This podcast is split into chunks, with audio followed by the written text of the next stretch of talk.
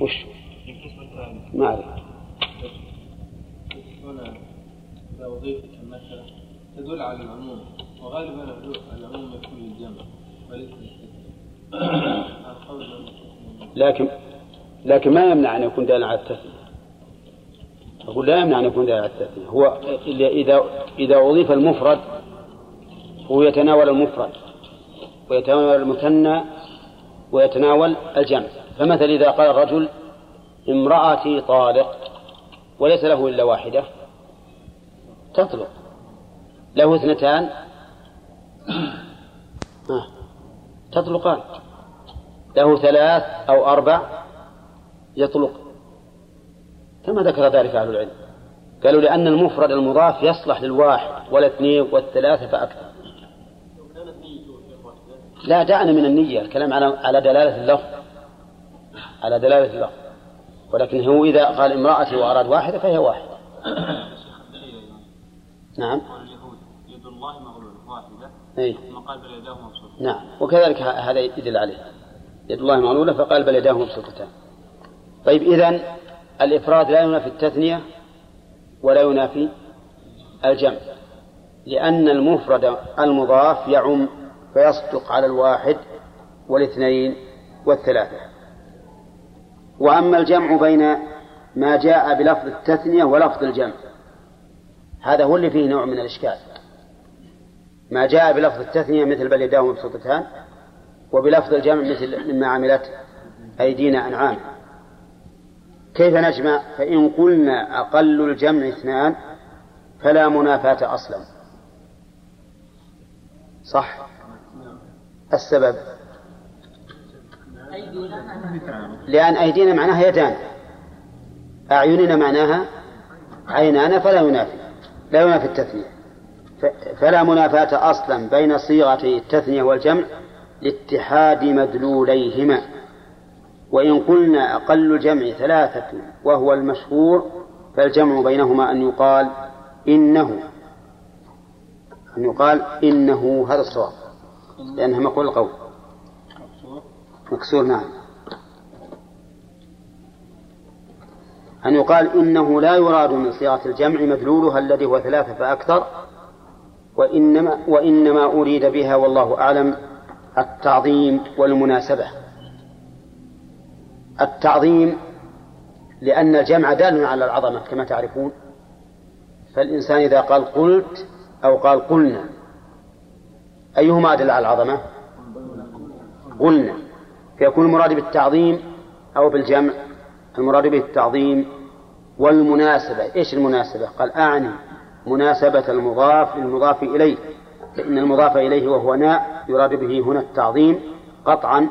فناسب أن يؤتى بالمضاف بصيغة الجمع ليتناسب ليناسب المضاف إليه.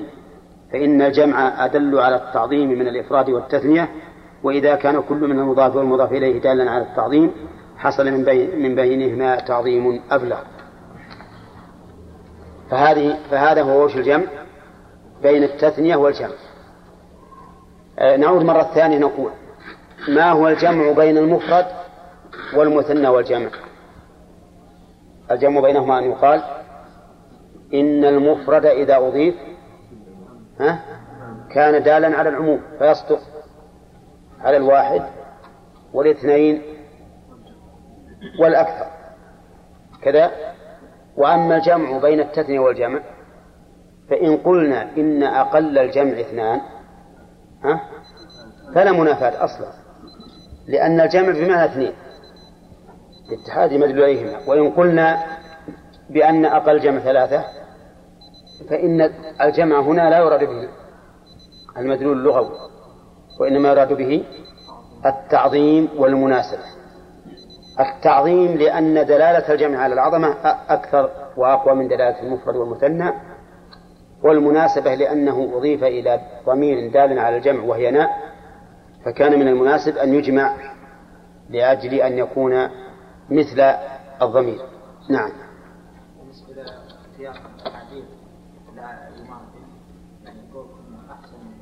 نعم. نعم. يعني ربما يقول قائل إذا قلنا الآن عين الإنسان وعين البعير يعني عين الإنسان لا تمثل عين المعير لكن الواقع إنها تشبه. نعم.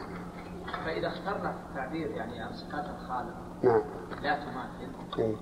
بدل لا تشابه ربما يتوهم الواهم إن الفرق قدر الفرق الحاصل يعني بين عين المخلوق بين صفة نعم. مثل القدر الحاصل أي. بين بعض المخلوقين بعض. هذا ما يمكن سلمك الله لأننا نعرف أنه كما أنك تع... كما أن الفرق الحاصل بين عين الإنسان وعين الطير ليس كالفرق الحاصل بين عين الإنسان وعين الخروف وعين الذرة إن كان لها عين. ما هو المحذور المحذور يقول شيخ الإسلام إن المحذور من هؤلاء الجماعة الذين حرفوا قالوا إن أدنى مشابهة تقتضي النفي.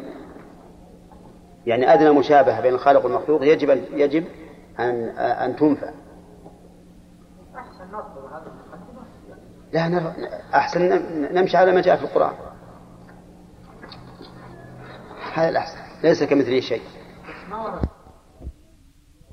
أكثر الجمع والمثنى. ها؟ الجواب يقول إن الجمع في قوله مما عملت أيدينا أنعاما للتعظيم. الجمع هنا للتعظيم والمناسبة. أما كونه للتعظيم فلأن الجمع أدل على العظمة مما دونه. وأما كونه للمناسبة فلأننا في قوله أيدينا للتعظيم فناسب أن يجمع ما أضيف إليه حتى يكون متناسبين. لكني أقول الآن لو قال قائل لماذا لا تؤمنون بأن الله له أيد كثيرة؟ لأن من آمن بأيد كثيرة يدخل فيه الإيمان بالواحدة والثنتين.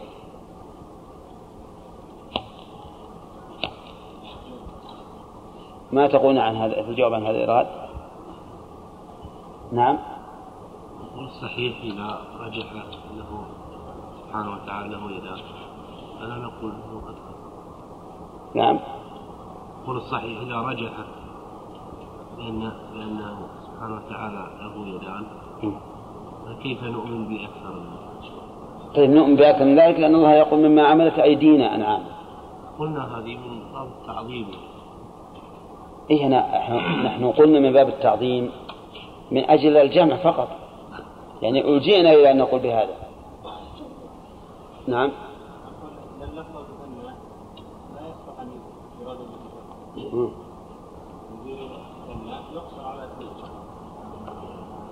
طيب ما يخالف. لكن جاءنا زيادة.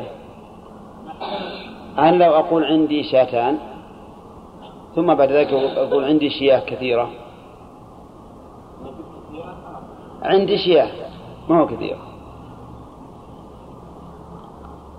نقول يتعين أنهما اثنتان لأن الله تعالى قال في الرد على اليهود والمقام مقام تمدح بكثرة العطاء. قال بل يداه مبسوطتان. ولو كان له أيد كثيرة لناسب أن يقول بل أيديه مبسوطة لأن المقام يقتضي كثرة العطاء والمنح وهذا يكثر بكثرة ما يكون العطاء به. هذا دليل. هذا من القرآن. أما من السنة فكثيرة. مثل قوله عليه الصلاة والسلام اخت- اخترت يمين ربي آه، قول آدم. اخترت يمين ربي وكلتا يدي ربي يمين مباركة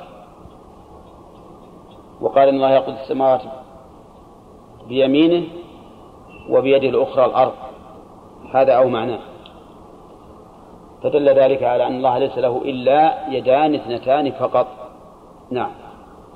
آه، كم وجه وردت عليه صفة العين عبد الرحمن؟ نعم. نعم. والتثنية والجمع. طيب الإفراد والجمع والتثنية.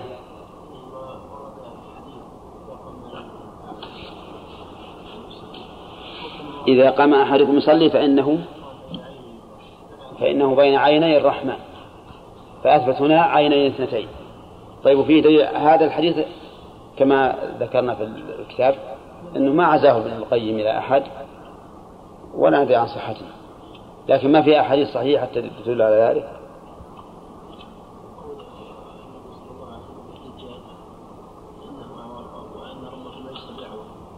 نعم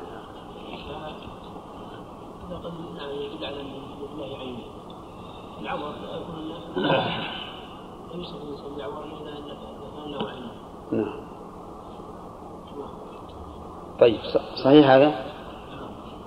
نعم لأنه لو كان لو كان لله ثلاثة أعين مثلا أو أكثر لقال النبي عليه الصلاة والسلام إن لربكم ثلاثة أعين فأكثر. وبهذا يحصل التمييز بهذا يحصل التمييز ويكون أيضا أدل على الكمال لله عز وجل. لأنه, لأنه ما في شك أن الثلاث فأكثر. في مقام يقتضي أن يكون الكمال, بها أكمل من ذكر الثنتين. وعلى هذا فنقول إن أهل إن الله عز وجل ليس له إلا عينان اثنتان. ونجمع بين المفرد والجمع. كما جمعنا ذلك في اليدين. نعم.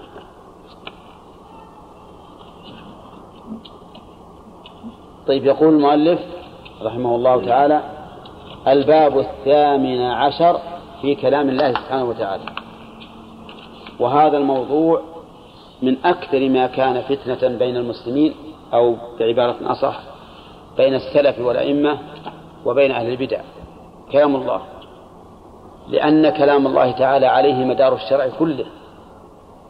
فإن كلام الله سبحانه وتعالى هو الوحي الذي أنزله على الرسل. والوحي الذي أنزله على الرسل هو هو الدين كله. كلام الله يقول اتفق أهل السنة والجماعة على أن الله يتكلم وأن, وأن كلامه وأن كلامه صفة حقيقية ثابتة ثابتة له على الوجه اللائق به. هذا ما اتفق عليه أهل السنة. وقد نقل اتفاقهم على ذلك. كل من كل من صنف في هذا الباب. وهو سبحانه وتعالى يتكلم بحرف وصوت كيف شاء متى شاء. ولكن اعلم أن صوت الله عز وجل لا يشبه أصوات المخلوقين أبدا. لكن الحرف الذي يتكلم به هو الحرف الذي يتكلم به الناس. أما الصوت فإنه لا يشبه أصوات المخلوقين أبدا. لا في قوته ولا في هيئته ولا في أي شيء مما يتعلق به. لا يماثلها. الدليل على أنه لا يماثل أصوات المخلوقين قوله تعالى ليس كمثله شيء وهو السميع البصير. وقوله يتكلم كيف شاء. هذا الكيفية. نحن لا نعرف كيف يتكلم الله لكن نعرف أنه يتكلم. هذه الجلود تنطق يوم القيامة والأرض تحدث أخبارها. هل نحن نعلم كيف تنطق ولا ما نعلم؟ ما نعلم. ولا نعلم كيف تحدث. الأرض أخبارها. وعلى هذا فنقول إن كيفية كلام الله غير معقول غير معلومة يقول فكلامه صفة ذات باعتبار جنسه وصفة فعل باعتبار آحاده. لأنه يتعلق بالمشيئة. وكل صفة تتعلق بالمشيئة فهي صفة فعل. فالكلام في أصله صفة ذات لأن الله لم يزل ولا يزال متكلما. ما مر عليه زمن يكون فيه عاجلا عن الكلام أبدا. بل هو سبحانه وتعالى لم يزل ولا يزال متكلما. أما باعتبار آحاده فإنها صفة فإنه صفة فعل. كيف باعتبار آحاده؟ نحن نعلم أن الله تعالى يوجد الأشياء شيء الأشياء أو يوجد الأمور شيئا فشيئا. وهو يقول إنما أمره إذا أراد شيئا ها أن يقول له كن فيكون. متى تكون كلمة كن؟ عند إرادة الفعل. إذن فهذه الكلمة اللي هي كن حدثت بعد أن لم تكن ولا كائنة بالأول. هذه حدثت بعد أن لم تكن. فآحاد كلام الله عز وجل صفة فعل لأنه حادث بعد أن لم يكن. نعم. وقد اختلف العلماء هل يجوز أن نطلق عليه اسم حادث أو نقول إنه محدث لقوله تعالى ما يأتيهم من ذكر من ربهم محدث. ولكن إذا فهمنا المعنى وأن معنى حادث أي أنه كائن بعد أن لم يكن زال الإشكال. فعبر كما شئت محدث أو أو حادث. نعم. نعم. إي نعم. مو معناه إن صوت الله عز وجل كذلك. بعضهم يقول إن إن صوت ال- الملك أو صوت الوحي وبعضهم يقول كأنه سلسلة على صفان في الإفزاع فقط لا في الكيفية. قال فمن أدلة الكتاب قوله تعالى ولما جاء موسى لميقاتنا وكلمه ربه متى كان الكلام؟ ها؟ حين جاء قبل ما كان كلام. ويذكر أن بعض أهل البدع كان يقرأ وكلم الله موسى تكليما. كلم الله موسى تكليما. علشان أن يكون الكلام من من موسى لا من الله.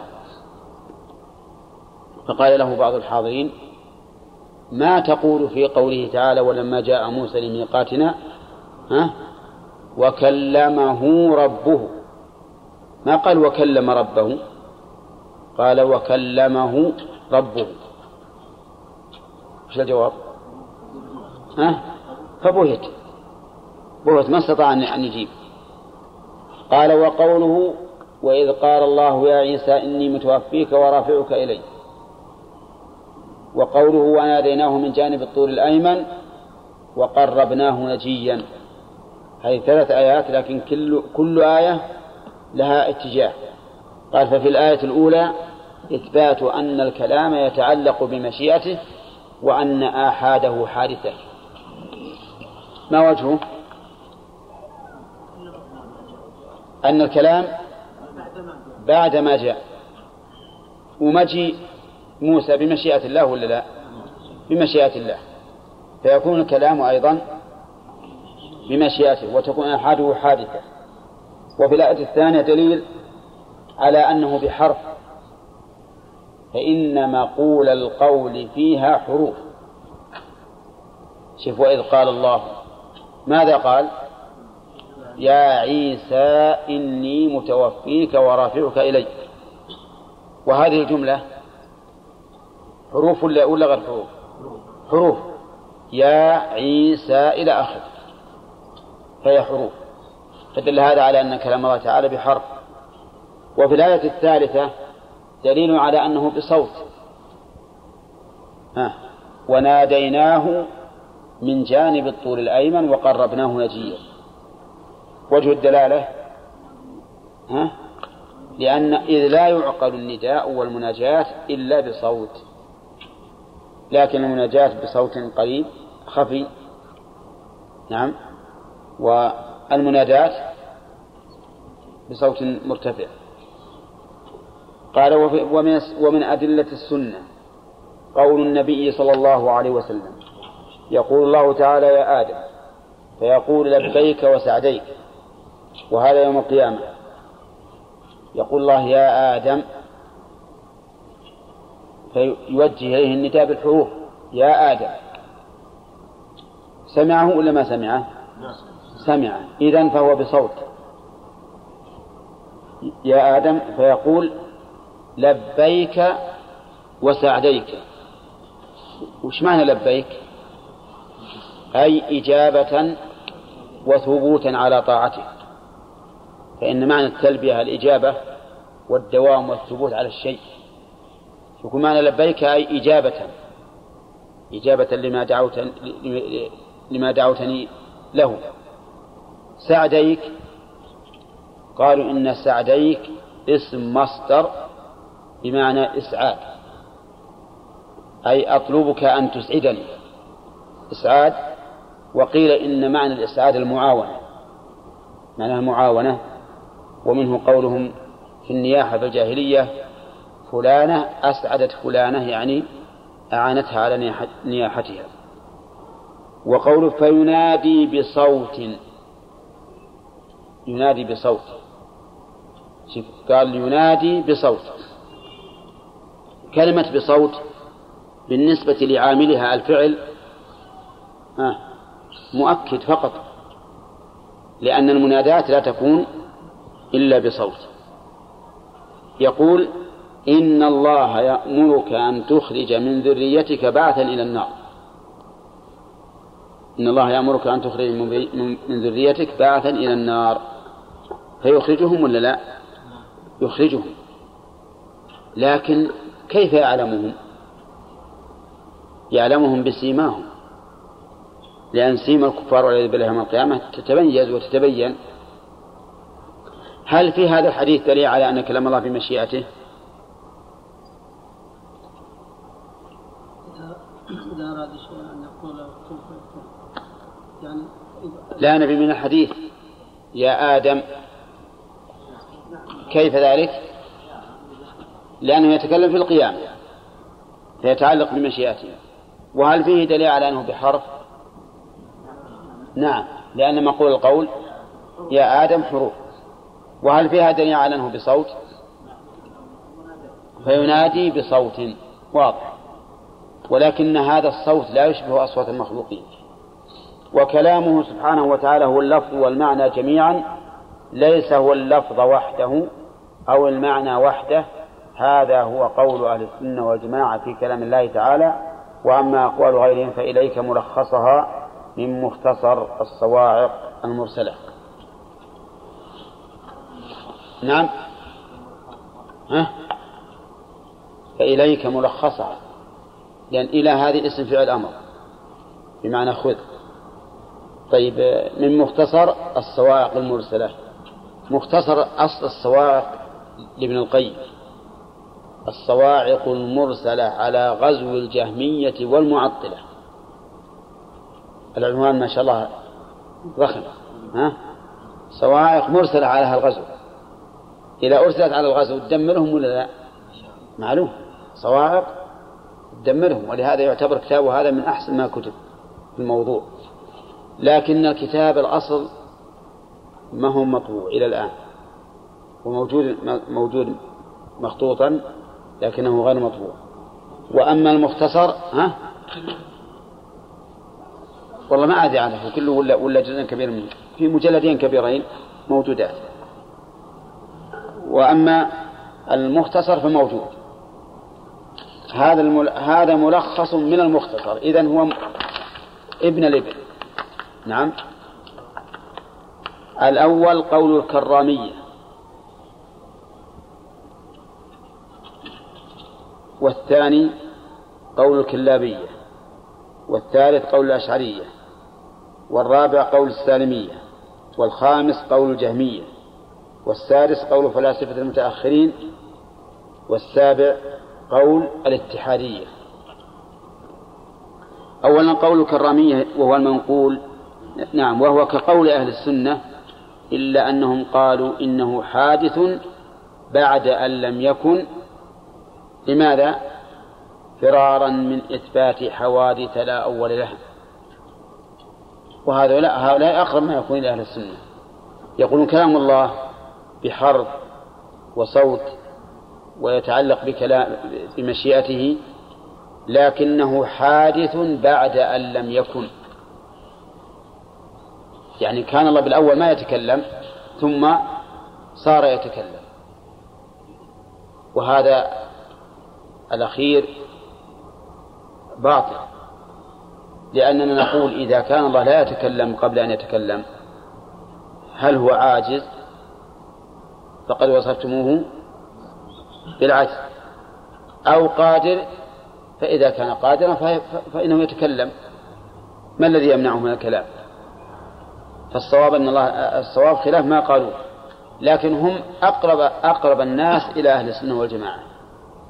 ونقبل كلامهم نقبل ما أصابوا فيه ونرد ما أخطأوا فيه. الثاني قول كلابية محمد بن سعيد بن كلاب قال إنه معنى قائم بذاته لازم لها كلزوم الحياة والعلم فلا يتعلق بمشيئته والحروف والأصوات حكاية عنه. خلقها الله تعالى لتدل على ذلك المعنى القائم بذاته وهو أربعة معاني إلى آخره. هذا كقول الأشعرية الذي يأتي إن شاء الله إلا أن بينهما فرقا. يقول إن كلام الله هو معنى قائم بذاته لازم لها كلزوم الحياة والعلم. وهذا القول ليس بصحيح لأن نقول إن كلام الله لفظ ومعنى ما هو معنى فقط. ثم هو ليس بلازم لذات الله كلزوم الحياة والعلم بل هو يتعلق ها؟ بمشيئته. أما الحياة والعلم فإنها لا تتعلق بالمشيئة. طيب وثانيا يقول هو أربعة أنواع معاني أمر ونهي وخبر واستخبار. يكون على هذا على رأيه أن هذا المعنى مركب من أربعة معاني هي الأمر والنهي والخبر والاستخبار وهل كلام الله منحصر في هذه الأربعة؟ لا. في كلام الله ما هو للتمني وما هو للترجي. و فلا يكون هذا هذا التقسيم حاصرا الثالث قول الأشعرية وهو كقول الكلابية إلا أنهم يخالفونه في شيئين. أحدهما في معاني الكلام. فالكلابية يقولون إنه أربعة معان والأشعرية يقولون إنه معنى واحد. وهذا شر غير غير معقول. كلام واحد فالخبر والاستخبار والأمر والنهي كل واحد منهما هو عين الآخر وليست أنواعا للكلام بل هي صفات له بل التوراة والإنجيل والقرآن كل واحد منها عين الآخر لا تختلف إلا بالعبارة. شوف هذا المذهب أعتقد أن تصوره كاف في رده يقولون إن كلام الله معنى قائم بنفسه لازم له ويسمونه الكلام النفسي. ولا يؤمنون بأن الله يتكلم بحرف وصوت. يقولون هذه الحروف والأصوات خلقها الله ها؟ لتعبر عن كلامه. أما أنه هو سبحانه وتعالى يتكلم لا. كلامه معنى قائم بنفسه. ثم أبطل من ذلك أن يقولوا إنه معنى واحد. كل الكلام معنى واحد. الخبر والاستخبار اللي هو الاستفهام والأمر والنهي كلاه كلهن شيء واحد. بل نزيد على ذلك ونقول إن التوراة والإنجيل والقرآن شيء واحد. شيء واحد عندهم. فمثلا قوله تعالى ولا تقربوا الزنا هو عين قوله تعالى أقيموا الصلاة إيش تقولون؟ هذا معقول؟ أبدا ليس بمعقول. يعني لولا أنه يذكر هذا لقلنا ما يمكن يقوله أي إنسان عاقل. أن يجعل الخبر هو عين الاستخبار وعين الاستفهام. وأن يجعل الأمر هو عين ها؟ النهي. والأمر والنهي هما عين الخبر والاستخبار لأنهم يقولون إنه معنى واحد. معنى واحد لا يتجزأ.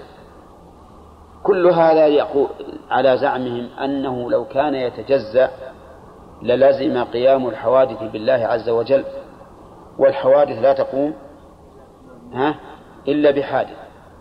وهذه مقدمات كلها باطلة لا دليل عليها. لكن شوف الآن وش يخالفون الكلابية؟ لماذا؟ الكلابية يقولون إنه أربعة معاني وهؤلاء يقولون إنه معنى واحد. الثاني أن الكلابية قالوا إن الحروف والأصوات حكاية عن كلام الله وأما الأشعرية فقالوا إنها عبارة عن كلام الله. وش الفرق بينهم؟ الحكاية أن يحكى لفظ لفظ الصوت والعبارة أن يعبر عنه بمعنى آخر. ما هو يحكى لفظ الصوت؟ فمثلا لو قلت لك لو قلت أنا إن فلانا يقول كذا وكذا وكذا. وما حكيت كلامه؟ أكون الآن معبرا. لكن لو حكيت كلامه بالضبط لكنت حاكيا. هم يقولون إن القرآن عبارة عن كلام الله وليس كلام الله. ولكنها ولكنه خلقه الله ليعبر عما في نفسه. طيب موسى حينما سمع وما تلك بيمينك يا موسى هل الله تكلم بها؟ لا لأن كلامه معنى قائم بنفسه من الأصل. لكنه خلق صوتا سمعه موسى تعبيرا عن كلام الله عز وجل. وهذا المعنى أيضا باطل كما كما تشاهدون نعم.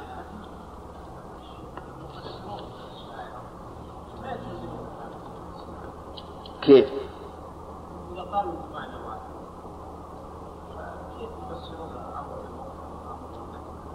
إي نعم هو يقول الأمر مقتضاه الأمر والنهي مقتضاه الترك.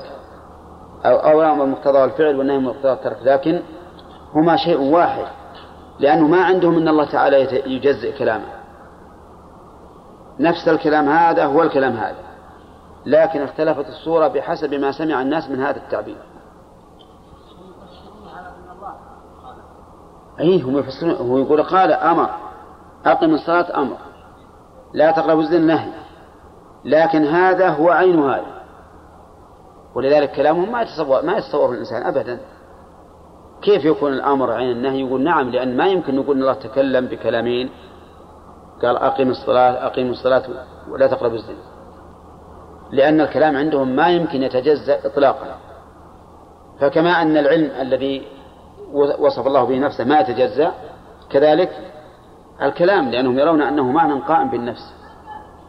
وهذه الأشياء الأمر والنهي والخبر والاستخبار أشياء خلقها الله تعالى لتعبر عما في نفسه.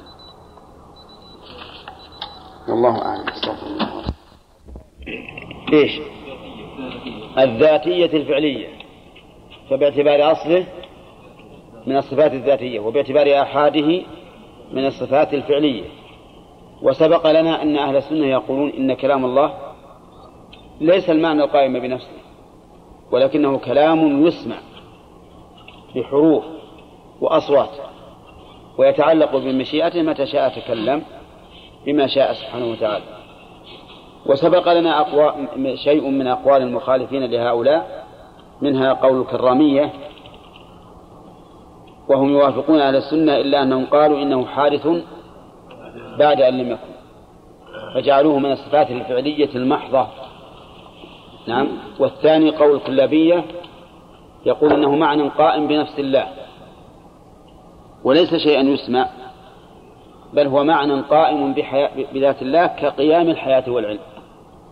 مثل أن الله حي وعليم هو متكلم فهو صفة معنوية قائمة بذات الله عز وجل لازمة لحياته. وما سمع من كلامه فهو مخلوق حكاية عنه. وهو كم من من نوع؟ أربعة أمر ونهي وخبر واستخبار. أما الأشاعرة فقالوا نحو من هذا القول. إنه هو المعنى القائم بنفس الله عز وجل وأنه لازم لذاته كلزوم الحياة والعلم ولا يتعلق بمشيئته وأن ما يسمع من كلام الله ليس كلام الله ولكنه عبارة عنه.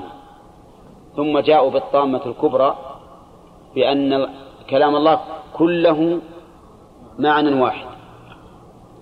فالأمر عين النهي والخبر عين الاستخبار.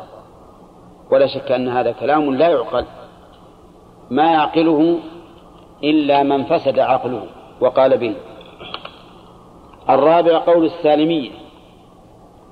استمع هذا القول عجيب أنه صفة قائمة بذاته لازمة لها. فيوافقون من؟ الأشاعرة والكلابية. نعم. لكنهم يقولون كلزوم الحياة والعلم فلا يتعلق بمشيئته وهو حروف وأصوات. بهذا يخالفون الأشاعرة والكلابية لكن يقولون إنها متقارنة لا يسبق بعضها بعضا. ها؟ متقارنة لا يسبق بعضها بعضا. فقوله تعالى بسم الله الرحمن الرحيم بسم الله البا والسين والميم ها؟ كلها كما يقال ولله المثل الأعلى طلعت جميع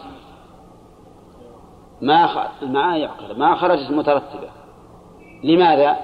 قالوا لأنه لو خرجت كلمات الله مترتبة لازم أن لازم أن تقوم الحوادث به. لازم أن تقوم الحوادث به. إذا جاءت السين بعد الباء من أن حدثت بعدها؟ إذا جاءت الميم بعد السين والباء فقد حدثت بعدها. وقيام الحوادث عندهم بذات الله ممتنع. ولكن الممتنع ما ذكروه. من يمكن أن يقول إن بسم الله الرحمن الرحيم اللي في أول الفاتحة هي وقوله من قل نعم من الجنة والناس خرجت كل القرآن خرج مرة واحدة. بل أبلغ من ذلك كل كلمات الله عز وجل التي لا يمكن أن تنفد كلها ها؟ كلها متقارنة شيئا واحدا. ولا شك أنها أنه كما قال شيخنا رحمه الله في توضيح الكافية الشافية يقول تصور هذا المذهب كاف في رده. أنت إذا تصورت هذا المذهب عرفت أنه باطل. لا يمكن القول به. فهم شف وافقوا أهل السنة والجماعة بكونه حروفا وأصوات وأصواتا لكنهم خالفوهم. في كونه معنى قائم بنفسه لازم لها كلزوم الحياة والعلم وفي كونه متقارن متقارنا. من يعقل هذا؟ سؤال عيسى بن شباب إيه. قيام الحوادث معناها الأفعال. يعني مثل استوى على العرش ينزل السماء الدنيا يتكلم. هذه أشياء حادثة. يقول قيام الحوادث بذات الله ممنوع. لأن الحادث لا يقوم إلا إلا بحادث. فأنت على زعمهم. إذا أثبتت أن الله تقوم به الحوادث فلازم من ذلك أن يكون الله تعالى حادثا. وهذا ليس بصحيح. هو سبحانه وتعالى الأول الذي ليس قبله شيء ومع ذلك فإنه يفعل ما يشاء. نعم. الخامس قول الجهمية والمعتزلة.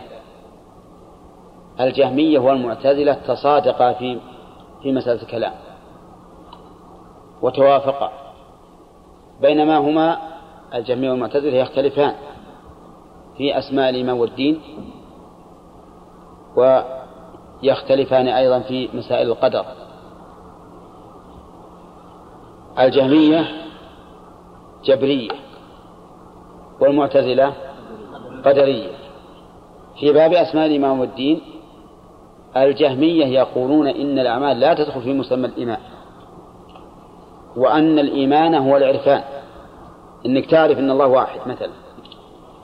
والمعتزلة يقولون إن الأعمال داخلة في مسمى الإيمان وأن الإنسان لو فعل كبيرة خرج من الإيمان لكن لم يدخل بالكفر في منزلة بين منزلتين. شوف الفرق. الجهمية يقولون إذن إذني واسرق وتلوط واشرب الخمر واقتل النفس. نعم. وافعل كل محرم لا يخرجك من الإسلام وأنت مؤمن كامل الإيمان. ولا نقول أنت مؤمن كامل الإيمان فقط نقول كل الناس في الإيمان سواء حتى إيمان أفسق الناس وإيمان جبريل على حد سواء. والإيمان عندهم هو المعرفة وابن القيم رحمه الله في النونية رد عليهم في ذلك ردا قويا ومقنعا قال إذا كان إن الإيمان هو المعرفة بالله عز وجل فاسأل إبليس هل هو يعرف ربه ولا لا؟ ها؟ يعرف ربه؟ إي نعم حتى عند العامة الآن يقولون إبليس يعرف ربه طيب ولهذا يسأل ربي أنظرني واسأل كل أولئك الذين فعلوا المعاصي هل يعرفون الله؟ الجواب يعرفونه. فهم عند جهم يقول عند جهم كامل الإيمان. المعتزلة والجهمية توافقوا في مسألة الصفات. كلهم نفاة معطلة. لكنهم عاد يختلفون في الغلو. الجهمية أشد غلوا في النفي من من المعتزلة.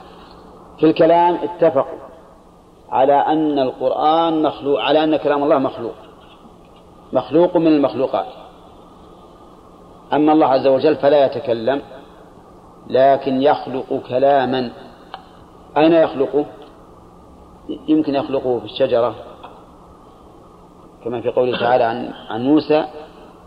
نعم. من الشجرة نودي من جانب الطور إيش؟ من الشجرة أي يا موسى إني أنا الله رب العالمين. قالوا خلق الله كلاما في الشجرة فسمعه موسى فقال هذا كلام الله. أو يخلقه الله تعالى في الهوى ويسمع. أما أن الله يتكلم بكلام هو صفته فلا. ويقول ثم من الجهمية إذا كان مخلوقا هل يتعلق بمشيئته؟ الجواب نعم. فهم يوافقون أهل السنة في كون الكلام ها؟ في كون الكلام متعلقا بمشيئته لكن يخالفونه في كونه مخلوقا. لننظر الآن أيما أشد في مسألة الكلام قول الأشعرية ولا قول الجهمية؟ الأشعرية يقولون إن الكلام هو المعنى القائم بالنفس. والجهمية والمعتزلة يقولون الكلام هو هذا الذي نسمع هذا كلام الله اللي في المصحف كلام الله لفظه معناه وذلك يقولون ليس كلام الله بلفظه ومعناه كلام الله بمعناه فقط. وأما اللفظ فإن الله تعالى خلق أصواتا ليعبر بها عما في نفسه. إذن الأشعرية يقولون ما في المصحف ليس كلام الله ولكنه عبارة عنه. والجميع يقولون إنه كلام الله كلام الله حقيقة ليس عبارة عنه. فالجهمية من هذا الوجه خير من من الأشعرية. نأتي إلى الخلق. الأشعرية يقولون هذه الحروف اللي في القرآن والأصوات التي سمعها الرسول أو سمعها جبريل يقولون أنها مخلوقة. والجهمية يقولون أيضا إنها مخلوقة. ولهذا قال بعض المحققين منهم إنه ليس بيننا وبين الجهمية والمعتزلة فرق لأننا كلنا متفقون على أن ما بين دفتي المصحف مخلوق. لكن نحن نقول مخلوق وهو كلام الله وأنتم تقولون مخلوق وهو عبارة عن كلام الله. قال ومن الجهم... ثم من الجهمية من صرح بنفي الكلام عن الله ومنهم من أقر به وقال إنه مخلوق. يعني منهم من صرح وقال إن الله لا يتكلم لكن يخلق كلاما ومنهم من قال إنه يتكلم ولكن الكلام مخلوق. سادسا قول فلاسفة المتأخرين أتباع أرسطو. نعم. ما أعرف عنهم شيئا. ما أدري. قول فلاسفة المتأخرين أتباع أرسطو. أنه فيض من العقل الفعال على النفوس الفاضلة الزكية. والعقل الفعال عندهم هو الذي خلق الكون. هو الله ولهذا يعبرون عن الله بأنه العلة الفاعلة أو العقل الفعال أو ما أشبه ذلك. هذا العقل الفعال على رأيهم الإلكتروني يقولون إنه يفيض على النفوس الفاضلة الزكية بحسب استعدادها وقبولها فيوجب لها تصورات وتصديقات بحسب ما قبلته منه. الفرق بين التصور والتصديق أن التصور يعرف الإنسان الصورة والتصديق يحكم عليها. فالتصديق بمعنى الحكم على الشيء. هذه هذه التصورات والتصديقات المتخيلة تقوى حتى تصور الشيء المعقول صورا نورانية تخاطبها بكلام تسمعه الآذان. وش هذا؟ الطويل العريض. يكون عندنا عقل فعال هو الذي يدبر الكون يفيض على النفوس الفاضلة الزكية يفيض عليها مما عنده. ما نقول مما أعطاه الله لأنه هو الله عنده. يفيض عليها تصورات وتصديقات نعم بحسب استعدادها. فلقوة التصور والتصديق يتخيل هذا الذي أعطي هذه التصورات والتصديقات يتخيل أن أحدا يخاطبه بكلام تسمعه الآذان هذا المتخيل عندهم هو الله الذي يتكلم. وهذا في الحقيقة كما رأيتم قول باطل. أولا لأن العقل الفعال غير موجود. وثانيا أن هذه التصورات والتخيلات إذا أردنا أن نطبقها على الواقع نقول هؤلاء مجانين. مثل ما يتصور الإنسان أن أحد جن يخاطب ولا يتكلم معه. فهذه أقرب مع أنهم يرون هي أقرب هذه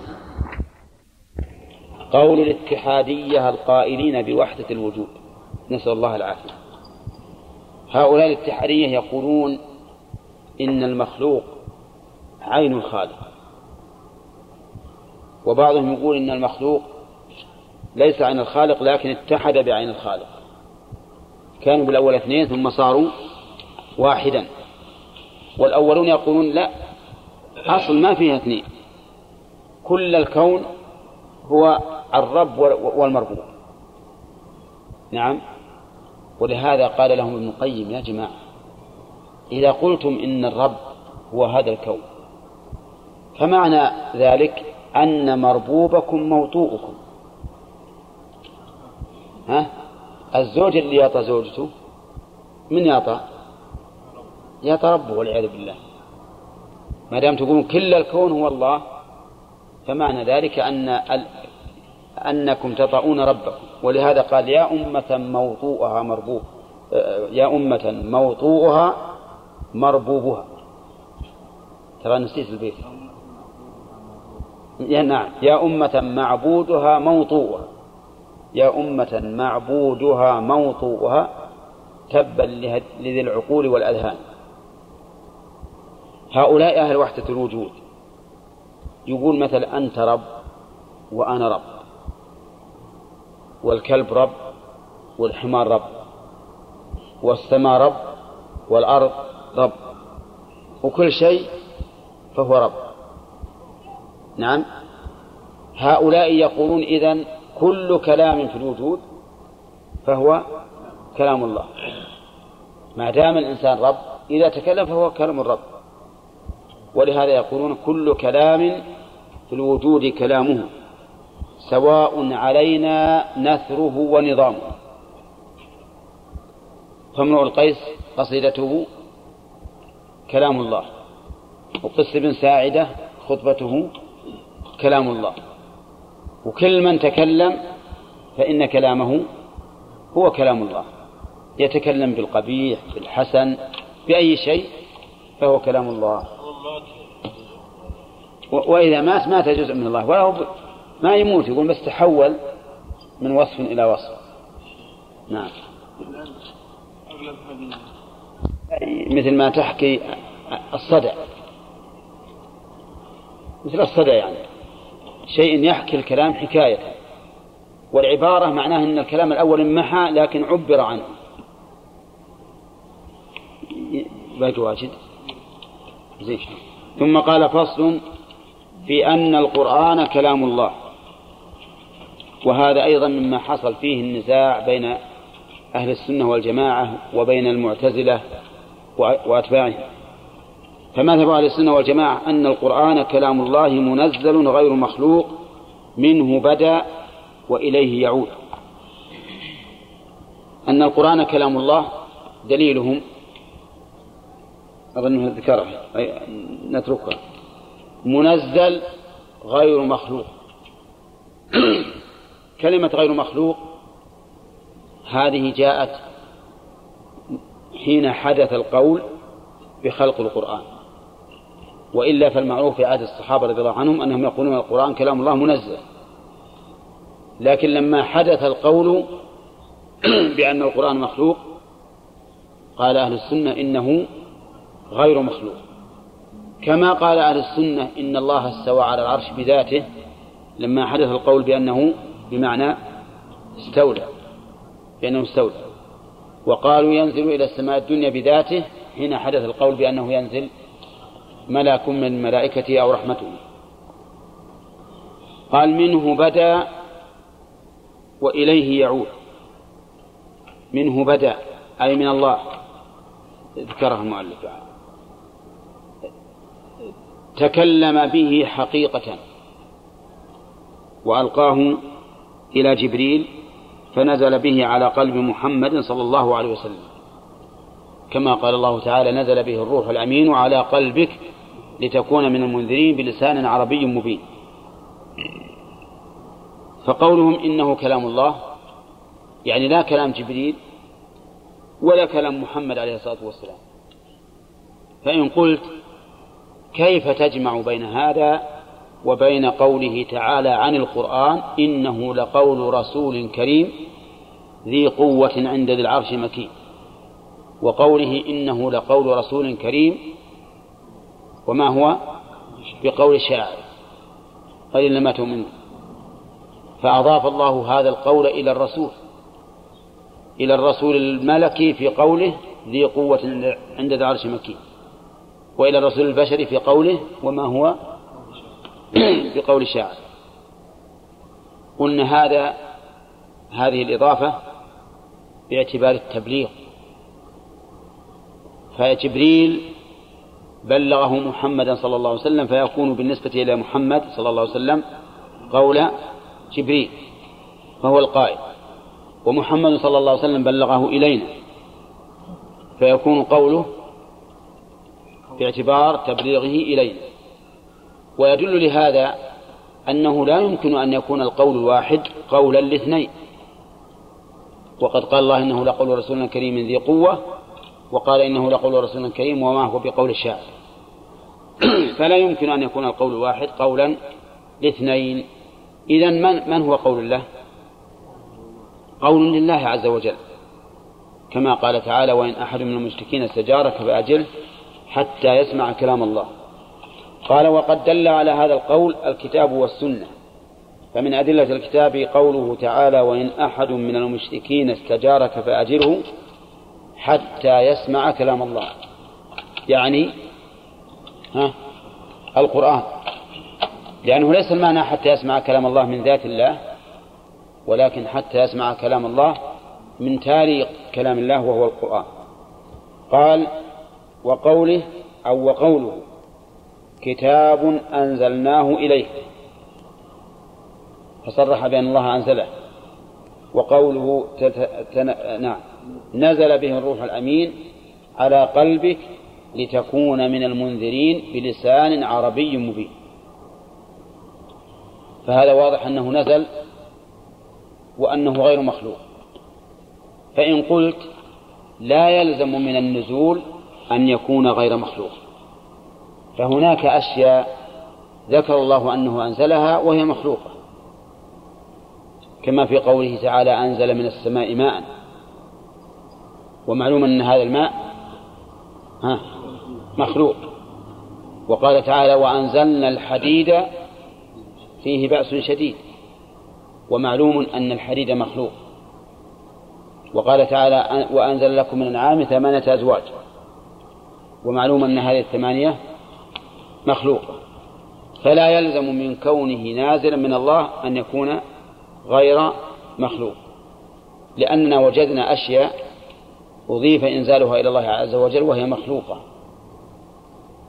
فما هو الجواب؟ الجواب أن يقال إن هذه الأشياء التي أضاف الله إنزالها إليه أعيان قائمة بنفسها. أولى الحديد. والماء والأنعام. أعيان قائمة بنفسها. فنعلم بأنها مخلوقة. وأما الكلام فإن الكلام لا يقوم بنفسه بل لا يقوم إلا بمن؟ بالمتكلم به. وإذا كان لا يقوم إلا بالمتكلم به صار من صفاته. وصفات الخالق غير مخلوقة قال ومن أدلة السنة قوله صلى الله عليه وسلم وهو يعرض نفسه على الناس في الموقف ألا رجل يحملني إلى قومه لأبلغ كلام ربي؟ فإن قريشا قد منعوني أن أبلغ كلام ربي عز وجل. واضح أنه يريد بذلك القرآن. وقوله صلى الله عليه وسلم للبراء بن عازب إذا أويت إلى فراشك فقل اللهم أسلمت نفسي إليك ووجهت وجهي إليك وفوضت أمري إليك وألجأت ظهري إليك رغبة ورهبة إليك لا ملجأ ولا منجأ منك إلا, إلا إليك ها؟ إيه غلط لا ملجأ ولا من اللي عنده الطبعة الأخيرة ها؟ نبيك الذي أرسلت الشاهد قوله بكتابك الذي أنزلت وبنبيك الذي أرسلت. هذا يقول الإنسان متى؟ إذا أوى إلى فراشه. يقول هذا الكلام. وقد جاء في الحديث هذا أن البراء لما أعادها على النبي صلى الله عليه وسلم قال آمنت برسولك الذي أرسلت. فقال له بنبيك الذي أرسلت. والمعروف أن كل رسول نبي لأن الرسول أخص. لكن أجاب شيخ الإسلام بن تيمية وغيره فقالوا إنه إذا قال برسولك الذي أرسلت يحتمل أن يكون المراد به الرسول الملكي لأنه يعني يسمى رسولا. فإذا قال بنبيك الذي أرسلت ها تعين أن يكون الرسول البشري الذي أرسلت. هذا من جهة. من جهة أخرى أنه إذا قال برسولك الذي أرسلت دخلت النبوة ضمنا. لكن إذا قال بنبيك الذي أرسلت دخلت النبوة صراحة. وهذا أوكد أوكد وأبين. طيب ومن أدلة وقال عمرو بن دينار أدركت الناس منذ سبعين سنة يقولون الله الخالق وما سواه مخلوق إلا القرآن فإنه كلام الله غير مخلوق منه بدأ وإليه يعود. فإن قلت لماذا لا تقول إن القرآن مخلوق؟ والله عز وجل يقول الله خالق كل شيء. فهل القرآن شيء؟ ولا ما هو شيء؟ شيء بلا شك. وش اللي يخرج عن هذا العموم؟ نقول الذي يخرج عن هذا العموم أنه من صفات الله وصفات الله تعالى غير مخلوقة ولو أخذنا بهذا العموم لقلنا إن الله خالق نفسه أيضا لأن الله سمى نفسه شيئا فقال قل أي شيء أكبر شهادة؟ قل الله شهيد بيني وبينكم. إذا فالله خالق كل شيء يعني ما عدا ذاته وصفاته. أما ذاته فظاهر لأنه لا يمكن أن يكون خالق مخلوقا أو المخلوق خالقا. وأما صفاته فلأنها صفة في ذاته. فإذا كانت الذات غير مخلوقة كانت الصفات غير مخلوقة. ومعنى قولهم منه بدأ أن الله تكلم به ابتداء وفيه رد على الجهمية القائلين بأنه خلقه في غيره. وأما قولهم وإليه يعود فيحتمل معنيين. أحدهما أن تعود صفة الكلام بالقرآن إليه بمعنى أن أحدا لا يوصف بأنه تكلم به غير تكلم به غير الله لأنه هو المتكلم به والكلام صفة للمتكلم. إذن إليه يعود وصفا لا يوصف به غيره. ويحتمل معنى آخر أنه يرفع إلى الله تعالى كما جاء في بعض الآثار أنه يسرى به من المصاحف والصدور وذلك إنما يقع والله أعلم حين يعرض الناس عن القرآن عن العمل بالقرآن إعراضا كليا فيرفع عنهم تكريما له. والله المستعان. والقرآن شيء فلازم أن يكون مخلوقا. ورددنا عليهم قلنا إذن الله مخلوق لأنه شيء. نعم؟ وبينا أن كل شيء قد يراد بها الخصوص يعني كل شيء سواه. كما في قوله تعالى تدمر كل شيء بأمر ربها لكن يمكن أنك ما حضرت.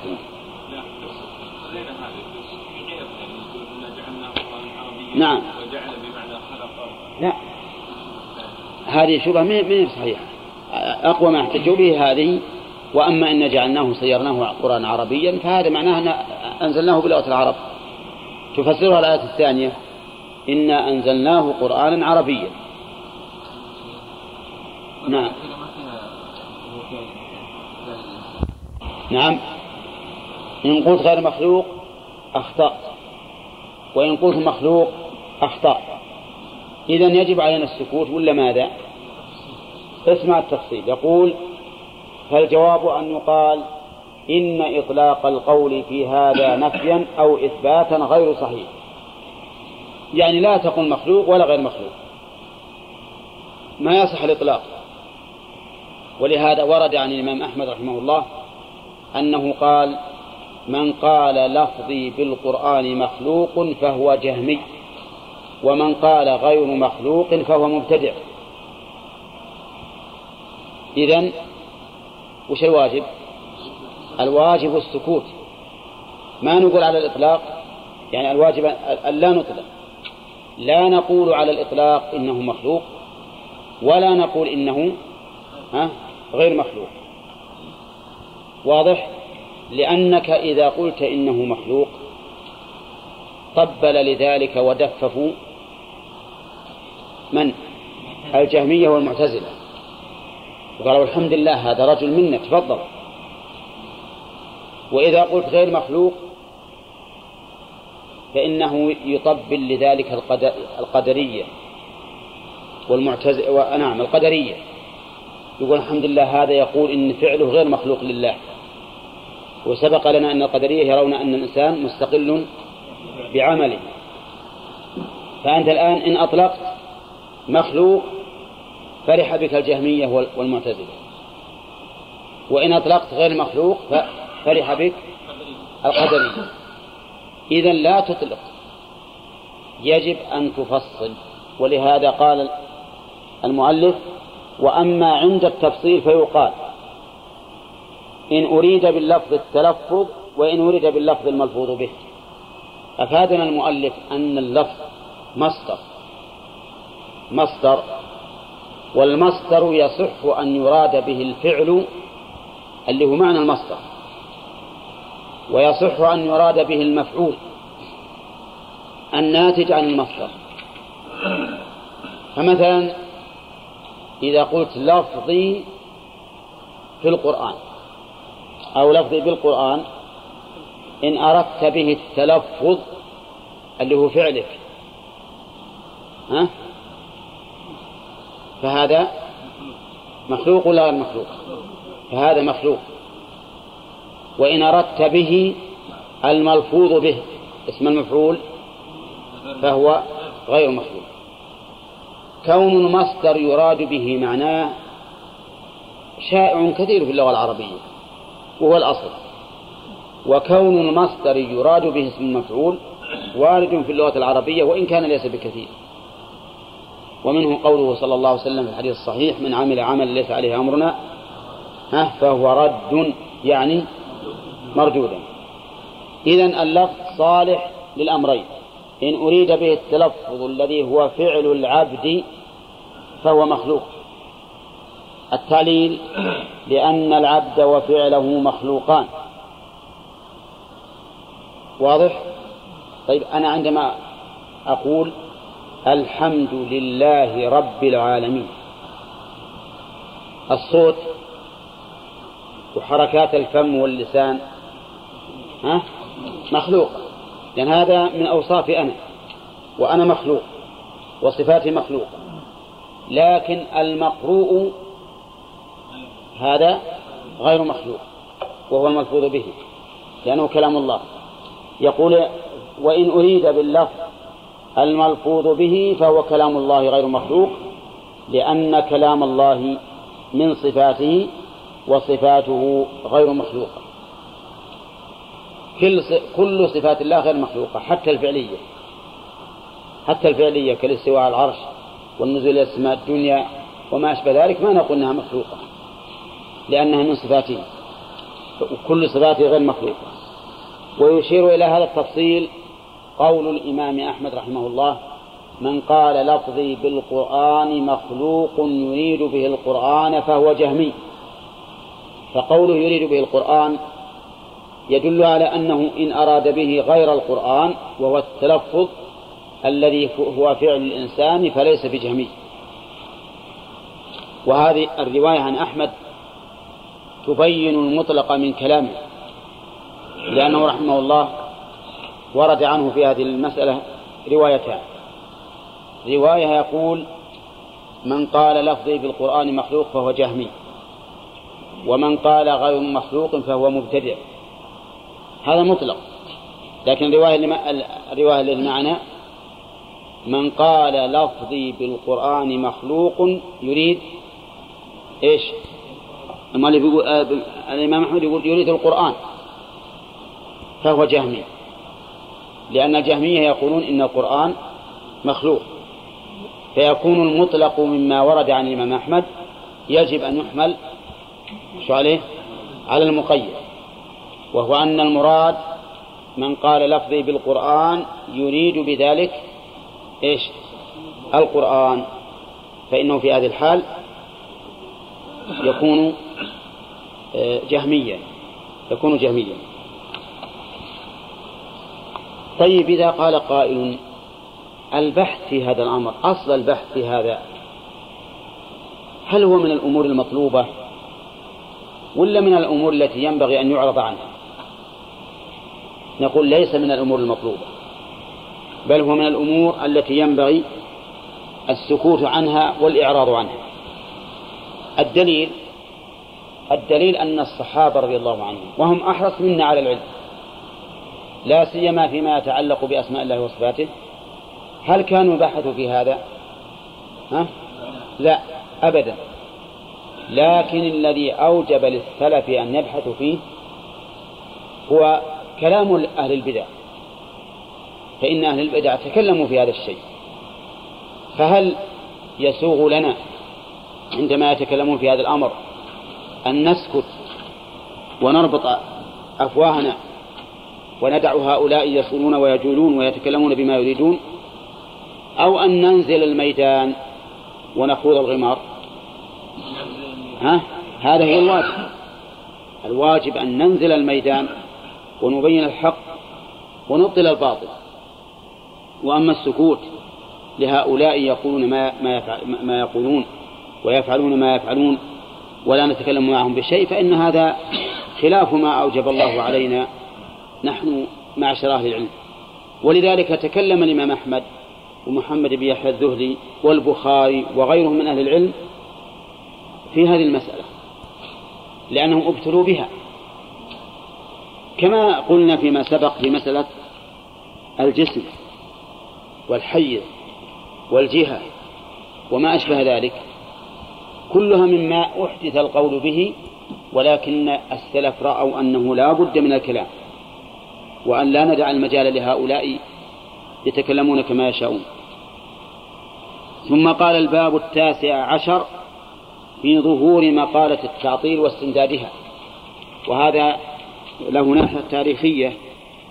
يقول شاعت مقالة التعطيل بعد القرون المفضلة الصحابة والتابعين وتابعيهم وإن كان أصلها نبغ قد نبغ في أواخر عصر التابعين. مقالة التعطيل ويجب أن نعرف ما هو التعطيل.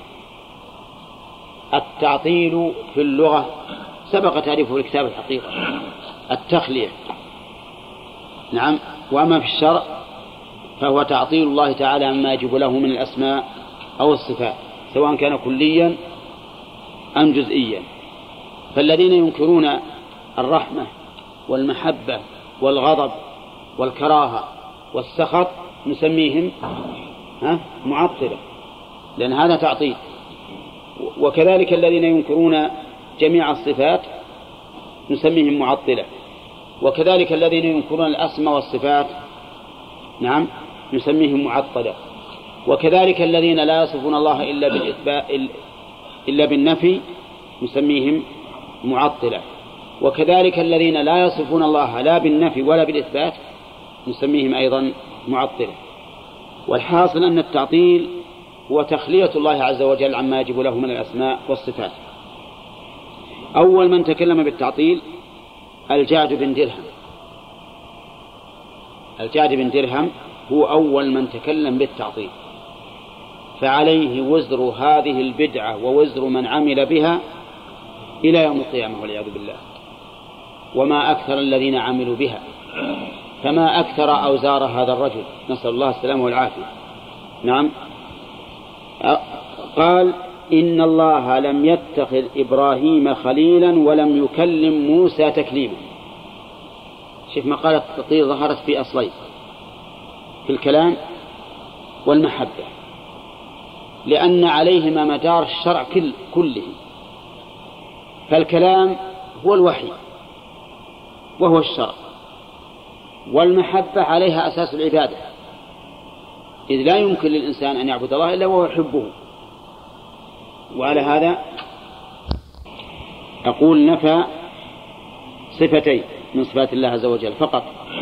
لكن هاتين الصفتين عليهما مدار الشرع كله. كيف ذلك؟ لأنه إذا نفى أن الله يتكلم نفى الوحي. وإذا نفى أن الله يحب ويحب. وش نفى؟ نفى العبادة. لأن العبادة مبنية على المحبة لولا محبة الله ما عبدناه. ولا لا؟ فحينئذ يكون هذا أو يكون هذان الأصلان من أخبث الأصول والعياذ بالله. ومع ذلك هل اقتصر متبعوه على نفي المحبة ونفي الكلام؟ ها؟ لا. نفوا كثيرا من الصفات. لكن هذا أول ما قال. طيب قيل له كيف تقول الله لم يتخذ إبراهيم خليلا؟ وقد قال الله تعالى واتخذ الله إبراهيم خليلا. أنت الآن مكذب للقرآن؟ قال لا. حاشا أنا لا أكذب القرآن. ولكني أقول إن المراد بالخلة الفقر. الفقر بمعنى الاختلال. فهو محتاج إلى الله عز وجل. هل هذا صحيح؟ ها؟ صحيح؟ لا. لو كان هذا هو المراد بالخليل لكان الشيطان وإبراهيم ها؟ سواء. كلهم محتاج إلى الله عز وجل أو كلاهما محتاج إلى الله. ولو كان ولكان أفسق الناس نعم وإبراهيم على حد سواء وهذا لا يمكن أن يقوله عاقل. طيب قال الكلام يقول لم يكلم موسى تكليما. طيب في القرآن وكلم الله موسى تكليما تنكر؟ قال لا ما أنكر. لكن المراد بالتكليم الجرح الجرح. وعندي شاهد من الحديث. وش الشاهد؟ قال الرسول عليه الصلاة والسلام ما من مكلوم يكلم في سبيل الله. وش معنى مكلوم يكلم؟ يعني مجروح يجرح. فمعنى كلم الله موسى يعني جرحه. طيب وش معنى جرح أعوذ بالله. هجرك موسى صار كله دمان قال لا. جرحه بمخالب الحكمة. نعم. جرحه بمخالب الحكمة. إيش الكلام هذا معقول؟ ها؟ هذا على سبيل التخيل كما قال الشاعر وإذا المنية أنشبت أظفارها ألفيت كل تميمة لا تنفع. لكن وش معنى جرحه خالف الحكمة؟ والله عز وجل يقول وناديناه من جانب الطور الأيمن وقربناه نجيا. لكن الضلال هو الضلال والعياذ بالله ما ينفع. ما تغني الآيات والنذر عن قوم لا يؤمنون. على هذا يكون أصل هذه المقالة مقالة التعطيل مأخوذة من رجل يقال له الجعد ابن درهم وسيأتي إن شاء الله بيان حياة هذا الرجل. يقول فقتله خالد ابن عبد الله القسري الذي كان واليا على العراق لهشام بن عبد الملك خرج به إلى إلى مصلى العيد بوثاقه وكان ذلك يوم عيد الأضحى. خرج به موثقا بالحديد فخط ثم خطب الناس وقال أيها الناس ضحوا تقبل الله ضحاياكم فإني مضح بالجعد بن درهم. نعم جزاه الله خير. نعم. الناس يضحون بالغنم بالشاة والبعير والبقر وهذا ضحى بأخبث من منها شر منها. فإنه شر من الإبل والبقر والغنم والحمير والكلاب والخنازير. لأن الله يقول إن الذين كفروا من الكتاب والمشركين في نار جهنم خالدين فيها أولئك هم شر البرية. نعم إنهم إلا كالأنعام بل هم أضل سبيلا. وإني أسألكم الآن البعير عن سبع والبقرة عن سبع وهذا الرجل عن كم؟ ها؟ لا عن آلاف الآلاف عن, عن كثير يعني وقى الله به شرا كثيرا. نعم لكن بعض الناس والعياذ بالله يقولون إن هذا العمل من خالد بن عبد الله القسري ما هو ديني ولكنه سياسي سياسي.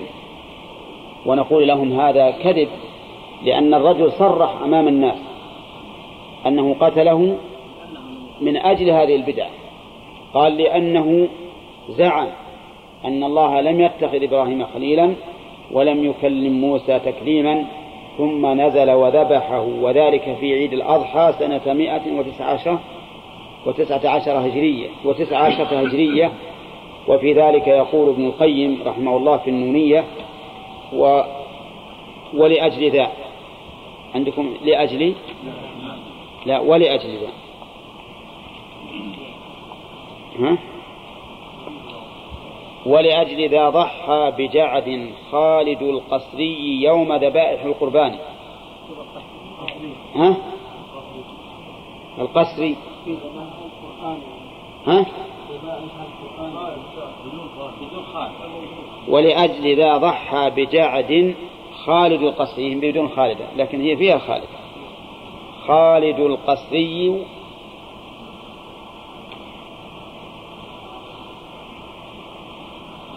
ولأجل ذا ضحى بجعد خالد القصري يوم ذبائح القربان. ها؟ لا القربان.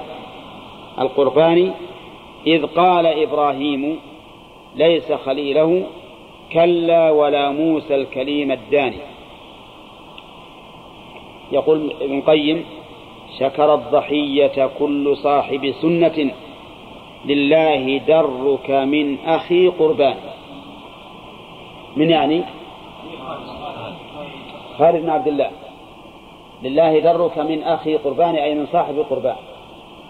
فإن هذا ذبح هذا تقربا إلى الله أعظم من ذبح الشاة والبعير تقربا إلى الله عز وجل.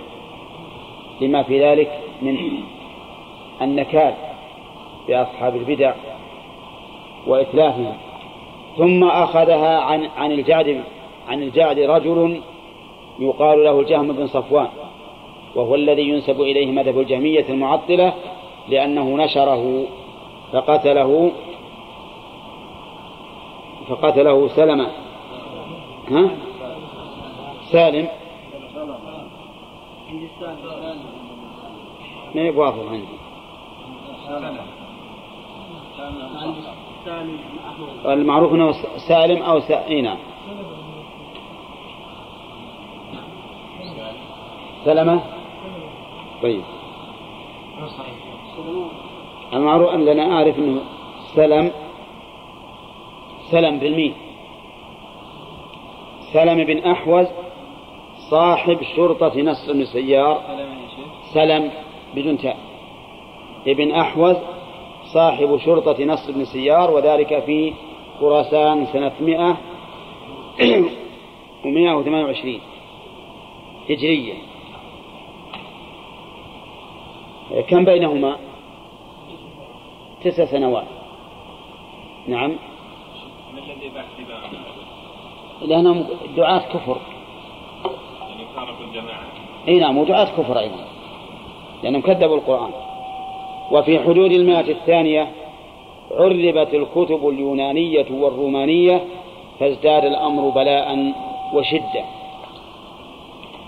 ثم في حدود المائة الثالثة انتشرت مقالة الجهمية بسبب بشر بن غياث المريسي و- وطبقته الذين أجمعوا أجمع الأئمة على ذمهم وأكثرهم كفروهم أو ضللوهم. والله أعلم.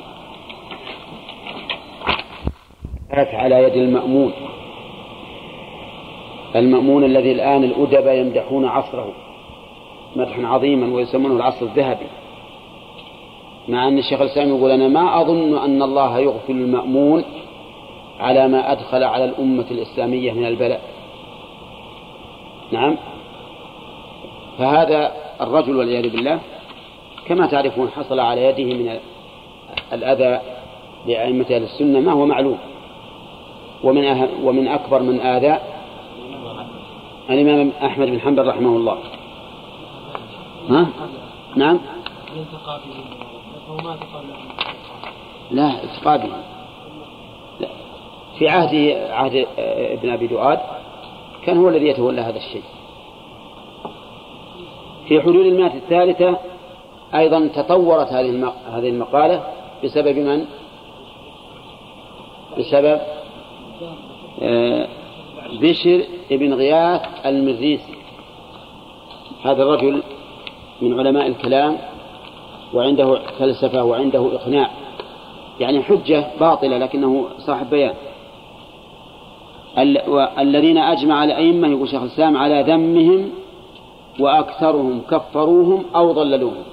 فكان الناس بالنسبة إليهم ما بين مضلل ومكفر. وهذا التنوع يظهر أنه باعتبار حال المبتدع. إن كان داعية فإنهم يكفرونه وإن كان مقلدا فإنهم يضللونه. وكتب صنف عثمان بن سعيد الدارمي رحمه الله كتابا رد به على على المريسي سماه نقض عثمان بن سعيد على الكافر العنيد فيما افترى الله من التوحيد. وهذا الكتاب موجود ومطبوع. وهو كتاب جيد ومفيد لطالب العلم.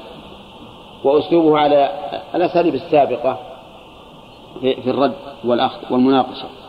من طالع هذا الكتاب بعلم وعدل تبين له ضعف حجة هؤلاء المعطلة بل بطلانها وأن هذه التأويلات التي توجد في كلام كثير من المتأخرين كالرازي والغزالي وابن عقيل وغيرهم هي بعينها تأويلات بشر. وأما استمداد مقالة التعطيل فكان من اليهود والمشركين وضلال الصابئين والفلاسفة. وبئس المدد. من اليهود ومن المشركين وضلال الصابئين والفلاسفة. وجه ذلك؟ قال فإن الجعد بن درهم أخذ مقالته على ما قيل من أبان بن سمعان عن طالوت عن لبيد بن الأعصم اليهودي الذي سحر النبي صلى الله عليه وسلم. وهذا وجه استمدادها منين؟ من اليهود. وهذه سلسلة العطب والعياذ بالله هي سلسلة الذهب.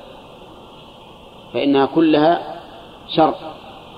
وكان ما وكان ثم إن الجعد على ما قيل من أرض حران وفيها خلق كثير من الصابئة والفلاسفة ولا رب ولا ريب أن للبيئة تأثيرا قويا في عقيدة الإنسان وأخلاقه. نعم. كيف؟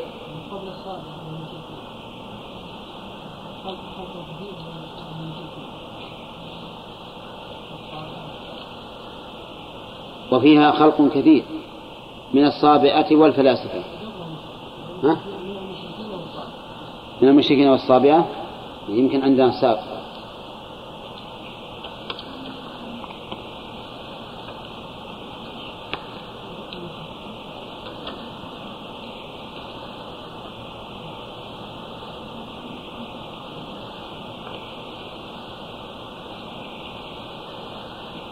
والصابئة والفلاسفة.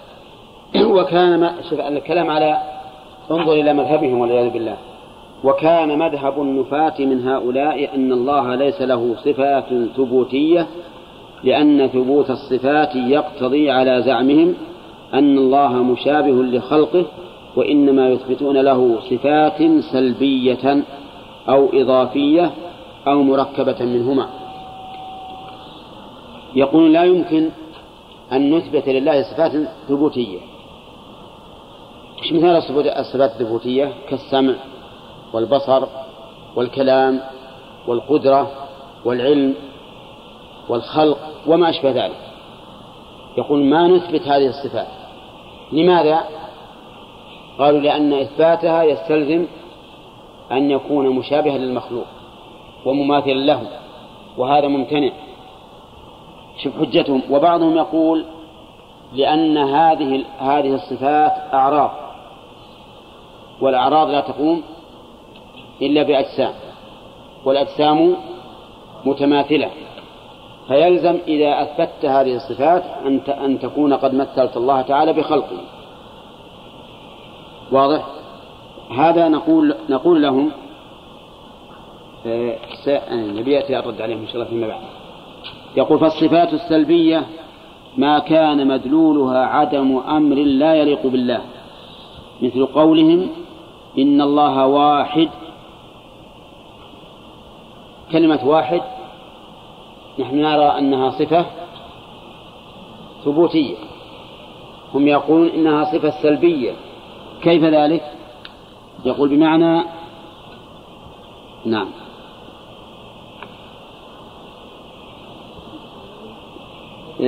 بمعنى مسلوب عنه القسمة بالكم أو القول. ومسلوب عنه الشريك ها؟ بمعنى أنه مسلوب عنه القسمة بالكم أو القول ومسلوب عنه الشريك وش معنى ما ها؟ وش اللي عندك؟ نعم نعم طيب كالعلم إيه؟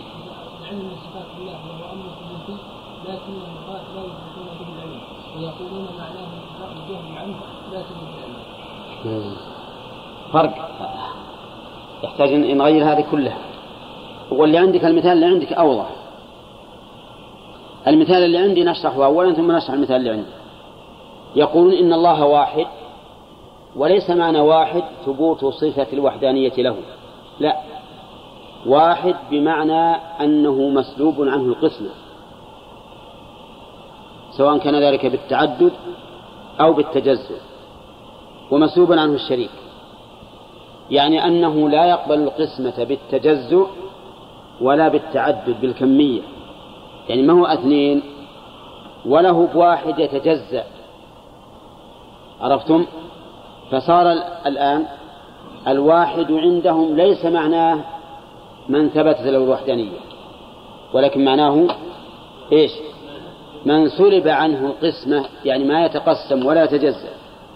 لا بالكم بحيث يكون واحد اثنين ثلاثة أربعة ولا بالقول بحيث يكون له نصف وربع وثمن وما أشبه ذلك. وكذلك مسلوبا عنه الشريك يعني أنه لا شريك له. ومثل والمثال الثاني الذي عند حمد يقولون إن الله له علم لكن ليس معنى العلم إن الله عالم. لكن ليس معنى العالم من ثبت من من كان متصفا بالعلم. ولكن عالم أي ليس ليس بجاهل. عالم يعني ليس بجاهل. يقول أيضا قدير ليس بعاجز وليس معناه إثبات صفة القدرة. ومن المعلوم أن هذا كلام لا يعقل لأنه إذا كان عالما إذا إذا لم يكن جاهلا ها؟ فهو عالم لأن العلم والجهل متناقضان. إذا انتفى أحدهما ثبت الآخر وإذا ثبت أحدهما انتفى الآخر. أما الإضافية فهي التي لا يوصف بها الله لا يوصف الله بها على أنها صفة ثابتة له. ها؟ ها؟ الصفات الإضافية هي التي تدل على صفة مضافة إلى الغير مم. مثل ذلك الخلق ليس معناه عند المضاف صفة الخلق لله إنما معناه وجود مخلوق له إيه. طيب نشوف اللي عندنا الآن؟ يختلف. الصفة الإضافية هي التي لا يوصف الله بها على أنها صفة ثابتة له ولكن يوصف بها باعتبار إضافتها إلى الغير كقولهم عن الله تعالى إنه مبدأ وعلة فهو مبدأ وعلة باعتبار أن الأشياء صدرت منه لا باعتبار صفة ثابتة له هي البداءة والعلية. أولا هؤلاء هذا المثال مثالهم. يقولون إن الله سبحانه وتعالى هو المبدأ والعلة. ولهذا يسمونه العلة الفاعلة. ومبدأ الأكوان والأشياء. ما معنى الم- المبدأ والعلة؟ هل معناه ثبوت البداءة له والعلية؟ لا. حتى على هذا. على هذه التسمية الباطلة لا. لا يجعلونها ثبوتية. يقول معنى أنه أنه معناه أن الأشياء صدرت منه فهو بالإضافة إلى غيره. وكذلك الذي عندك الخلق يقول إن الله تعالى له صفة الخلق لكن لا بمعنى أنه متصف به ولكن بمعنى أن له إيش؟ مخلوقا. أما المركبة منهما فهي التي تكون سلبية باعتبار وإضافية باعتبار كقولهم عن الله إنه أول. كذا عندك؟ طيب. إنه أول فهي سلبية باعتبار أنه مسلوب عنه الحدوث إضافية باعتبار أن الأشياء بعده. فإذا كان هذا هو ما تستمد منه طريقة النفاة فكيف تطيب نفس مؤمن أو عاقل أن يأخذ به ويترك سبيل الذين أنعم الله عليهم من النبيين والصديقين والشهداء والصالحين؟ هذا الفصل يعتبر فصلا تاريخيا. لكنه مع ذلك يبين أن أصل أو أن مبدأ هؤلاء النفاة كله باطل. لأنه كما رأيتم مأخوذ من الفلاسفة واليهود وذلال المشركين. فلا يمكن أن يكون مبنى لعقيدة إسلامية يدين يدين المرء بها لله تعالى. نعم أحد الأخوة من أحد الأخوة مما لتحكيم الإسلام مع قرينه بشيء شيوخ لا ها؟